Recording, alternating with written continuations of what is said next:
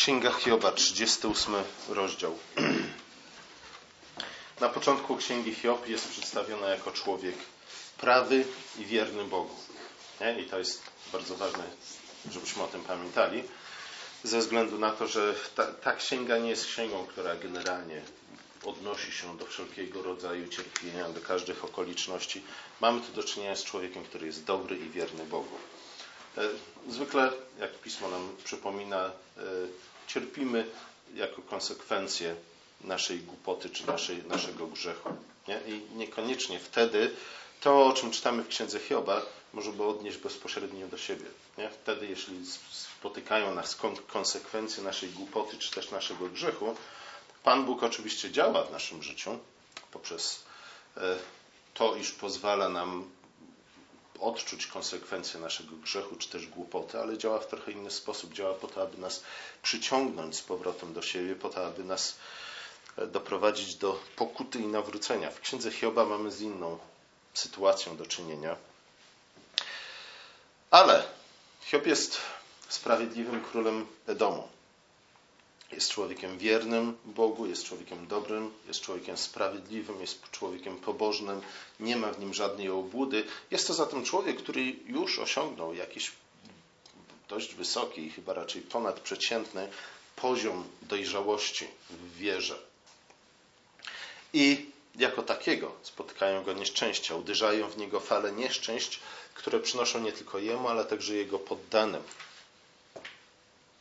wielkie cierpienie jego poddanym w sensie takim, że on jest królem. Jeśli jakieś nieszczęście dotyka króla, to oczywiście dotyka ono również tych, którzy mieszkają w jego królestwie. Zresztą, tak jak czytaliśmy w pierwszym, drugim wersecie, e, fale nieszczęścia, czy też fale zła, które go uderzyły, uderzyły w ludzi, którzy byli właśnie dookoła niego, otaczali go, czy to jego bliskich, czy to tych, którzy dla niego pracowali. Hiob trwa jednak wiernie przy Bogu, choć nie do końca oczywiście rozumie to, co się dzieje wokół niego. Nie wie, dlaczego spotyka go to, co go spotyka. E, nie wie, kto się za tym wszystkim kryje. Nie wie też do końca, ku czemu to ma wszystko prowadzić. Chociaż dla jego żony, i nie tylko dla jego żony, sprawy są jasne i oczywiste. Nie? Żona wyciąga prosty wniosek i mówi: Hiobie, dopóki Pan Bóg błogosławił ci, dopóki Twoja pobożność przekładała się na to, iż Bóg e, chronił cię przed wszelkim nieszczęściem, a także obdarowywał ciebie wszelkim błogosławieństwem, to oczywiście twoja wierność Bogu miała sens, ale teraz, kiedy Pan Bóg usunął ten mur chroniący cię przed złem, zabrał wszelkie błogosławieństwa, to oczywiście nie ma sensu dalej służyć Bogu. Nie? Bo po co? E, dla, dla przyjaciół Hioba sytuacja też jest dość jasna i dość oczywista, ze względu na to, że oni przychodzą, przychodzą do Hioba i namawiają go do pokuty w nadziei, iż rzeczywiście pokuta Hioba odwróci gniew Boga nie tylko od Hioba, ale też od całego królestwa. I w związku z tym wszyscy będą mogli wrócić do normalnego życia. Będzie można odrestaurować królestwo będziemy mogli z powrotem żyć i cieszyć się życiem, którym się cieszyliśmy wcześniej. Hiob jest w ich oczach kozłem ofiarnym, którego należy poświęcić w ten czy w inny sposób. Ktoś musi być winny temu złu, temu nieszczęściu, które nas wszystkich spotkało. Ponieważ Hiob jest królem, więc bardzo dobrze nadaje się na kozła ofiarnego. I rzeczywiście, w pewnym sensie Hiob jest kozłem ofiarnym ale nie w tym sensie, w jakim chcieliby to zdefiniować jego doradcy, jego przyjaciele. Hiob jest ukazany jako człowiek bez zmazy i bez skazy. Nie? Czyli rzeczywiście takim, jakim miało być zwierzę ofiarne. Zwierzę, które miało zostać złożone na, w ofierze Bogu, miało być zwierzęciem bez zmazy i bez skazy. Takim, jakim dokładnie człowiekiem był Hiob. Później w 38 rozdziale tym, który, którego fragmenty dzisiaj czytaliśmy, czytamy, jak, że Bóg przychodzi do Hioba w burzy ognistej. Nasze tłumaczenie mówią o zawierusze, ale tak naprawdę chodzi o burzę, burzę, nie? burzę, której towarzyszą pioruny, a więc ogień. Wygląda na to, jakby Bóg przychodził do Hioba i chciał rzeczywiście przyjąć jego ofiarę, pochłonąć Hioba w tym ogniu, jak zwierzę składane w ofierze całopalnej. Nie? Ale pamiętajmy, pamiętajmy na czym polegała ta ofiara całopalna. Ofiara całopalna to nie było zniszczenie kogoś, kto był zły, nie? ale to było, było raczej przemiana kogoś, kto był dobry. Zwierzę miało być bez zmazy i bez skazy. Przemiana przy pomocy ognia po to, aby to zwierzę w postaci dymu mogła się udać do kogo? Do Pana Boga. Nie? Najpierw musiało to zwierzę spotkać się, przejść przez ogień i przez miecz. Pamiętamy, cheruby chroniące dojścia do ogrodu, tak? Nie? Miały wirujące, płynące miecze w swoich rękach. I rzeczywiście wygląda na to, że Hiob musi przejść przez, te, przez ogień i przez miecz po to, aby w postaci obłoku udać się do nieba, spotkać się z Panem Bogiem, e, stać się tą wonią miłą Bogu. Nie? Czy rzeczywiście to wszystko, co spotkało Hioba, ma temu służyć, czy też nie? Części, mam nadzieję, że odpowiemy na to pytanie dzisiaj, po części będziecie musieli przyjść za tydzień, żeby usłyszeć koniec, koniec historii. A zatem zwierzę, które było składane na ofiarę, miało być zwierzęciem bez zmazy i bez skazy, po to, aby mogło zostać ofiarowane Bogu, po to, aby miecz i ogień mogły przekształcić je w woń miłą Bogu, po to, aby w postaci obłoku to zwierzę mogło udać się do nieba i spotkać się w niebie z Panem Bogiem, czy też stanąć przed obliczem Boga. I rzeczywiście Bóg przychodzi do Hioba, póki co jest ukryty w ognistym, w, w ognistym, w płonącym obłoku, czy też w obłoku, który jest nie tylko dymem, ale także ogniem. Pan Bóg przychodzi na spotkanie Hioba. E, może rzeczywiście Hiob jest ozłem, kozłem ofiarnym, nie? E, ale nie takim, jakiego szukali jego przyjaciele. Nie? nie dlatego, że jest winny nieszczęściu, jakie spadło na niego, na jego bliskich, jakie spadło na całe jego królestwo, ale wręcz przeciwnie. Hiob jest kozłem ofiarnym, ale dlatego, że jest dobrym i sprawiedliwym królem. Dlatego, że jest człowiekiem prawym i wiernym Bogu, bez zmazy i bez skazy. Nie? Dlatego Pan przychodzi do niego, na to wygląda póki co, w tym płonącym obłoku, po to, aby go pochłonąć, spalić. Bóg przychodzi do Hioba i rozpoczyna swoje prze, przemówienie od opisu stworzenia. Czytaliśmy, śpiewaliśmy fragment Psalmu 104, który między innymi nawiązuje do, do tego, o czym, o czym Pan Bóg tutaj mówi w 38 rozdziale. Pan Bóg przypomina Hiobowi, że jest Bogiem mądrym i dobrym, że jest dobrym i mądrym stwórcą. Nie? I teraz wielu komentatorów sprowadza to, to całe dość długie przemówienie Pana Boga do, do tej puenty, że Pan Bóg chce wykazać Hiobowi, jak głupi po prostu jest, nie? jak bardzo mało wie, jak niewiele rozumie z tego, co dzieje się w, świe w świecie. Pan Bóg z kolei przedstawia się jako ten, który jest mądry i który jest wszechmocny. I w związku z tym Hiob powinien zaufać Panu Bogu. Nie? Czy też raczej ukorzyć się przed Bogiem powiedzieć, nic nie rozumiem. Po części nie? ta interpretacja znajduje wsparcie w słowach samego Hioba, które chyba za tydzień będziemy czytać, nie? kiedy Hiob mówi, byłem nierozumny, nie? Nie, niepotrzebnie otwierałem moje usta. E, ale także tę wypowiedź Hioba musimy interpretować w świetle tego, co sam Pan Bóg mówi na temat tego, co Hiob powiedział. Nie? Pan Bóg karci jego przyjaciół za to, co mówią, ale stwierdza, że Hiob, generalnie rzecz biorąc, nie powiedział nic złego. Nie? Wręcz przeciwnie, to, co mówił Hiob, było słuszne i prawdziwe. Chociaż może niepełne. Nie? Hiob nie widział pełnej sytuacji, w związku z tym nie mógł odnieść się do pełnej sytuacji. E, nie do końca tak jednak jest. Nie? Gdybyśmy, to by była taka muzułmańska interpretacja księgi Hioba. Nie? Dlatego, że w, islamie Pan Bóg jest tym, którym, czy też Allah jest tym, któremu po prostu musimy się poddać. Nie? Ponoć islam, samo słowo islam oznacza nic innego jak poddanie.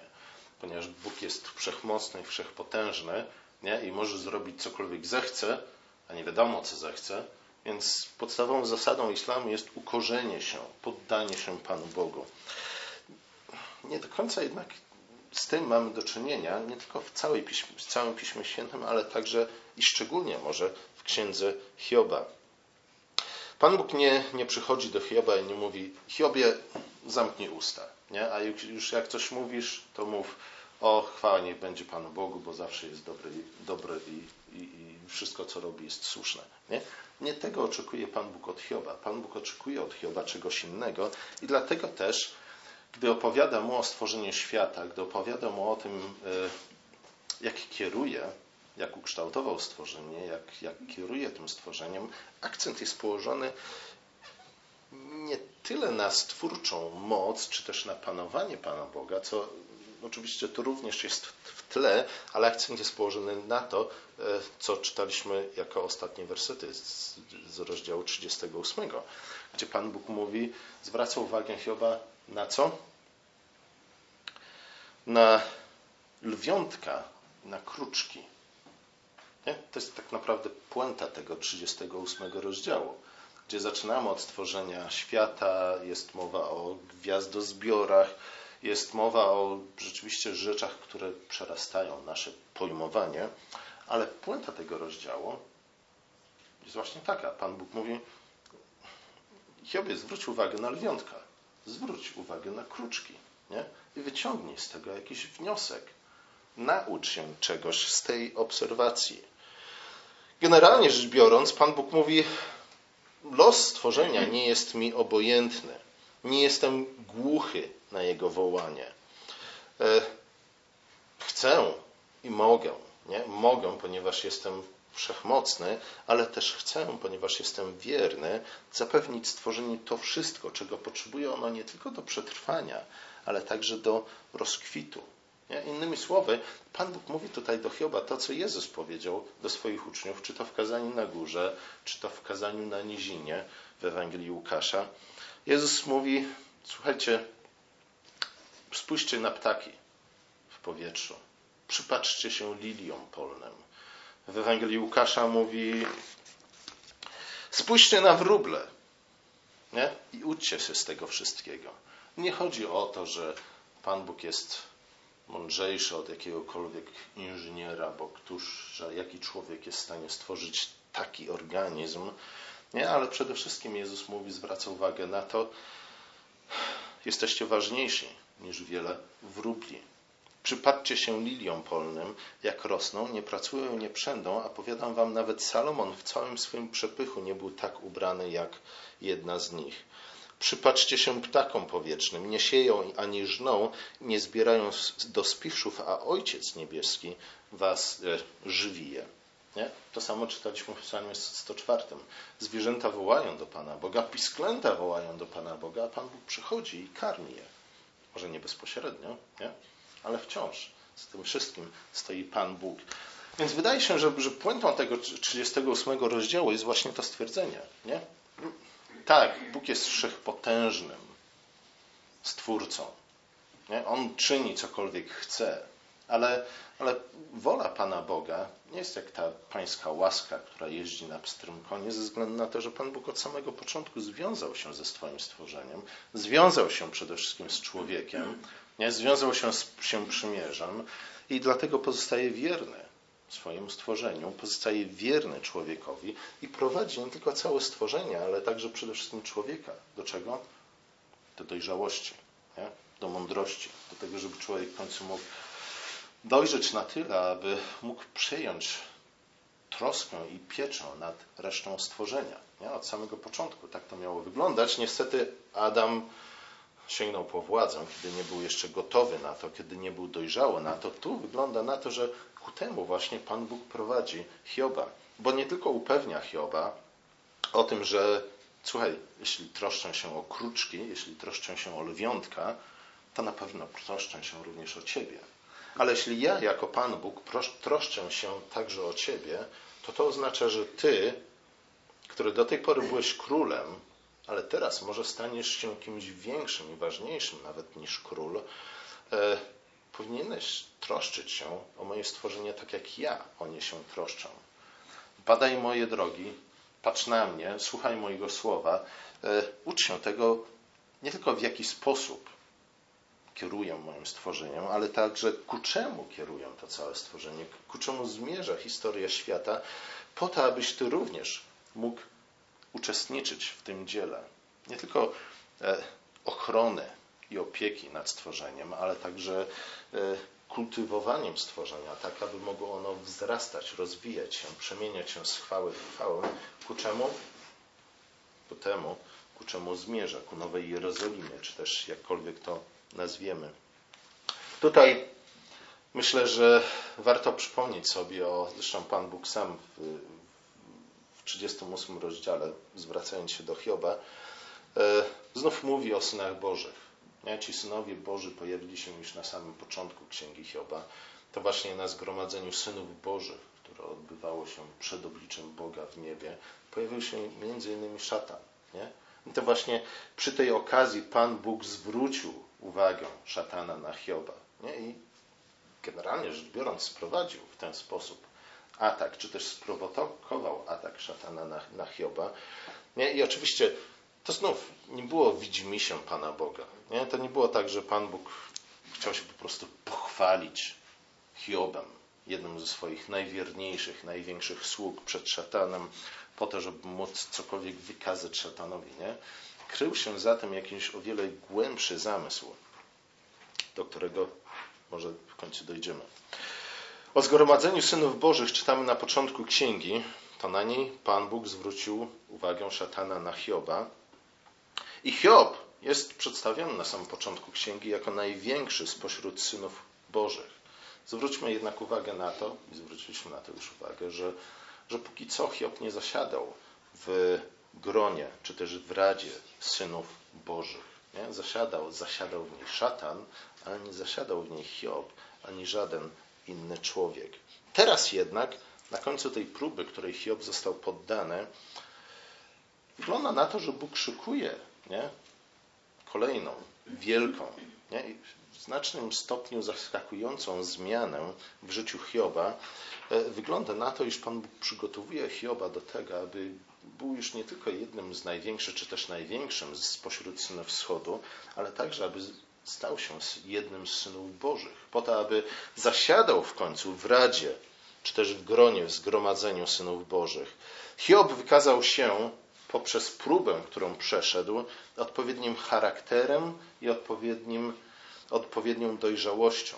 Nie? Jego wiara dzięki nadziei, jaką się wykazał w czasie tej próby, stała się końcu miłością. Dojrzała do tego, aby stać się miłością. W końcu Hiob był odpowiednim człowiekiem do tego, aby zacząć troszczyć się nie tylko o swoje królestwo, ale także o większy kawałek stworzenia. Hiob był królem, czy wciąż jest królem w 38 rozdziale, ale wygląda na to, że Pan Bóg szykuje go do nowej roli, jeszcze większej roli niż królowanie. Hiob ma stać się od tej pory prorokiem.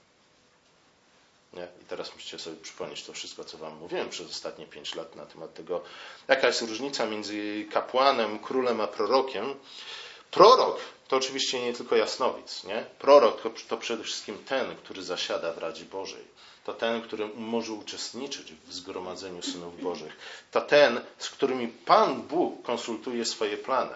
Nie? Ja wiem, że teraz Wam się czerwone lampki e, zapalają w głowie, nie? dlatego że, że wielokrotnie mówimy o tym, że Pan Bóg przecież jest suwerenny nie? i żaden człowiek nie może pokrzyżować Jego planów. Jak pogodzić jedno z drugim, może kiedyś o tym porozmawiamy, ale Abraham jest nazwany prorokiem. Nie? Na czym polegało, polegało jego prorokowanie? Nie? Abraham nie był prorokiem w tym sensie, że był jasnowidzem i przepowiadał przyszłość. Pan Bóg mu objawiał przyszłość, nie? ale jak przypomina nam historia zniszczenia Sodomy i Gomory, Abraham był przede wszystkim tym, do którego Pan Bóg przychodził po to, aby konsultować swoje zamiary. Nie? I Abraham był nawet tym, który był w stanie wpłynąć na Pana Boga tak, że Pan Bóg zmienił swoje plany. Pamiętacie? Chodziło o liczbę osób sprawiedliwych, która jeśli by się znalazła w Sodomie, Pan Bóg oszczędziłby to miasto. W podobny sposób Pan Bóg mówi poprzez proroka Amosa. Nie? Pan Bóg stwierdza, w księdze Amosa czytamy o tym w trzecim rozdziale, w siódmym wersecie, w, w trzecim rozdziale, w siódmym wersecie, w siódmym rozdziale. Już właśnie prorocy są tymi, z którymi Pan Bóg konsultuje swoje plany. Nie? To są zatem ludzie, którzy zasiadają w gronie synów Bożych. To są ci, którym Pan Bóg pozwala współrządzić już nie tylko ich własnym życiem, już nie tylko ich rodziną, już nie tylko ich biznesem, e, już nie tylko ich krajem, nie? ale współuczestniczyć w rządach nad całym stworzeniem. Prorok to człowiek dojrzały, innymi słowy, w podobieństwie do Boga. Nie? I na czym polega ta dojrzałość w podobieństwie do Boga? Oczywiście chodzi o pewną praktyczną wiedzę, którą trzeba zdobyć na temat świata, by móc nim mądrze zarządzać, ale to jest, chodzi także o mądrość i o miłość przede wszystkim, której Hiob nauczył się w wyniku doświadczenia, przez które przeszedł. Jest to człowiek dojrzały w podobieństwie do Boga i dlatego Pan Bóg przychodzi do Hioba teraz, w tym ognistą błoku. Mówi mu na temat tego, nie tylko tego, jak stworzył świat, ale przede wszystkim jak zarządza całym stworzeniem, a przede wszystkim e, o tym, w jaki sposób troszczy się z miłością o całe stworzenie, prowadząc jej ku dojrzałości, po to, aby Hiob mógł również tego się nauczyć. Nie? Ale znów nie samej wiedzy, ale przede wszystkim postawy, podejścia do panowania i zarządzania nad światem. Prorok to człowiek, innymi słowy, którego Bóg zaprasza, Bóg traktuje jako partnera w decydowaniu o losach świata. Nie? To jest pełne znaczenie, może pełne, więcej, dużo więcej można było mówić na ten temat, ale to generalnie rzecz biorąc jest znaczenie słowa prorok w Piśmie Świętym. Nie? Niech to niezwykły jasnowic. Jasnowidze byli wcześniej, ale jasnowidze jako tacy nie odgrywali jakiegoś szczególnego znaczenia w historii ludu Bożego, to raczej prorocy. I rzeczywiście, kiedy przypomnimy sobie o tym, w którym miejscu Księga Hioba znajduje się w Piśmie Świętym, widzimy, że to ma sens. Nie? Dlatego, że Księga Hioba jest jedną z ksiąg dydaktycznych, mądrościowych, napisanych w czasach Dawida i Salomona, nie? w czasach rozkwitu królestwa ale wkrótce już królestwo miało ulec rozbiciu. Królestwo miało wkrótce zniknąć z powierzchni świata e, i miejsce królów mieli zająć właśnie prorocy. Nie? Prorocy e, tacy jak Izajasz, jak Jeremiasz, jak Ezechiel i tak dalej, i tak dalej. Byli tu ludzie, którzy nie tylko zapowiadali nową przyszłość, nowe, nowe czasy, nowe stworzenie świata, ale także byli to ludzie, którzy współuczestniczyli w tworzeniu tej nowej rzeczywistości. Nie, nie przy pomocy zwykłego miecza i zwykłego ognia, ale przy pomocy słowa, które Pan Bóg włożył w ich usta. Prorok to jednak przede wszystkim człowiek, nie? i to będę powtarzał do znudzenia, to człowiek, który w wyniku tego, co przeszedł, doświadczenia, oczywiście nie chodzi o same doświadczenie, nie, nie chodzi o, o, o to, że cierpienie, niezależnie od tego, kogo spotkał, uczyni go człowiekiem szlachetniejszym. Nie? Zwykle bywa na odwrót. To raczej doświadczenie, poprzez które przechodzimy, słuchając Słowa Bożego, poprzez które idziemy, przechodzimy, podążając za Słowem Bożym. To Słowo Boże, jeśli się go mocno chwycimy, jest tym, co jest w stanie przy pomocy doświadczeń wykuć z nas to, co najszlachetniejsze drzemie w nas. Zatem prorok to człowiek, który stoczył dobry bój wiary. To człowiek, który dokonał biegu, to człowiek, który zachował wiarę i to człowiek, który właśnie ze względu na to wszystko, przez co przeszedł, którego czeka wieniec sprawiedliwości. Nie? Tak pisze o sobie apostoł Paweł między innymi. I oczywiście, kiedy mówi o wieńcu sprawiedliwości, nie mówi tutaj o usprawiedliwieniu, nie, które zwykle wiążemy z nawróceniem się grzesznika do Pana Boga. Nie, ten wieniec sprawiedliwości jest wieńcem, który, który Bóg zakłada na głowę tych, którzy dokonali dobrego boju, którzy dokonali biegu, którzy zachowali wiarę. I gdy przypomnimy sobie rzeczy, przez które musiał przyjść apostoł Paweł, po to, żeby mógł w końcu stwierdzić, iż do tego właśnie doszedł, nie? jest gotowy, by przyjąć wieniec sprawiedliwości, E, to zobaczymy, że jego życie, jego doświadczenie niewiele różniło się od doświadczenia Hioba.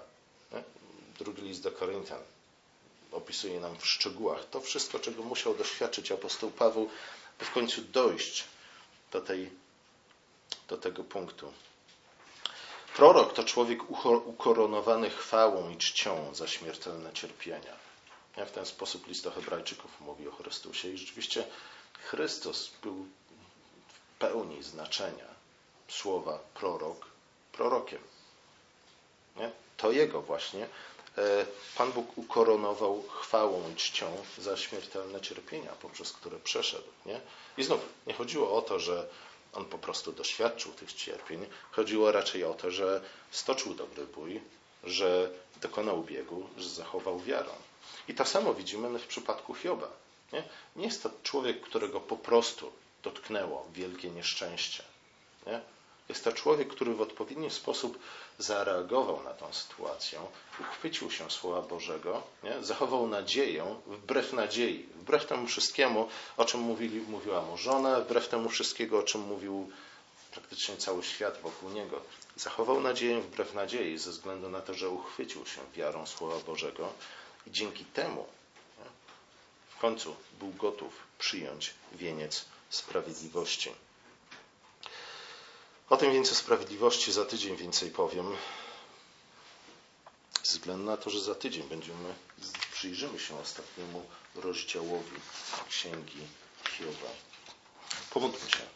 Nasz drogi łaskawy Ojcze, dziękujemy Ci za przykład Hioba, dziękujemy Ci za jego wierność Tobie. Dziękujemy Ci za to, że zachował nadzieję wbrew nadziei. Dziękujemy Ci za to, że nie zwątpił ani w Twoją moc, ani w Twoją mądrość, ale przede wszystkim w Twoją dobroć, wierność i miłosierdzie, kiedy przechodził przez te wszystkie próby, przez które przechodził.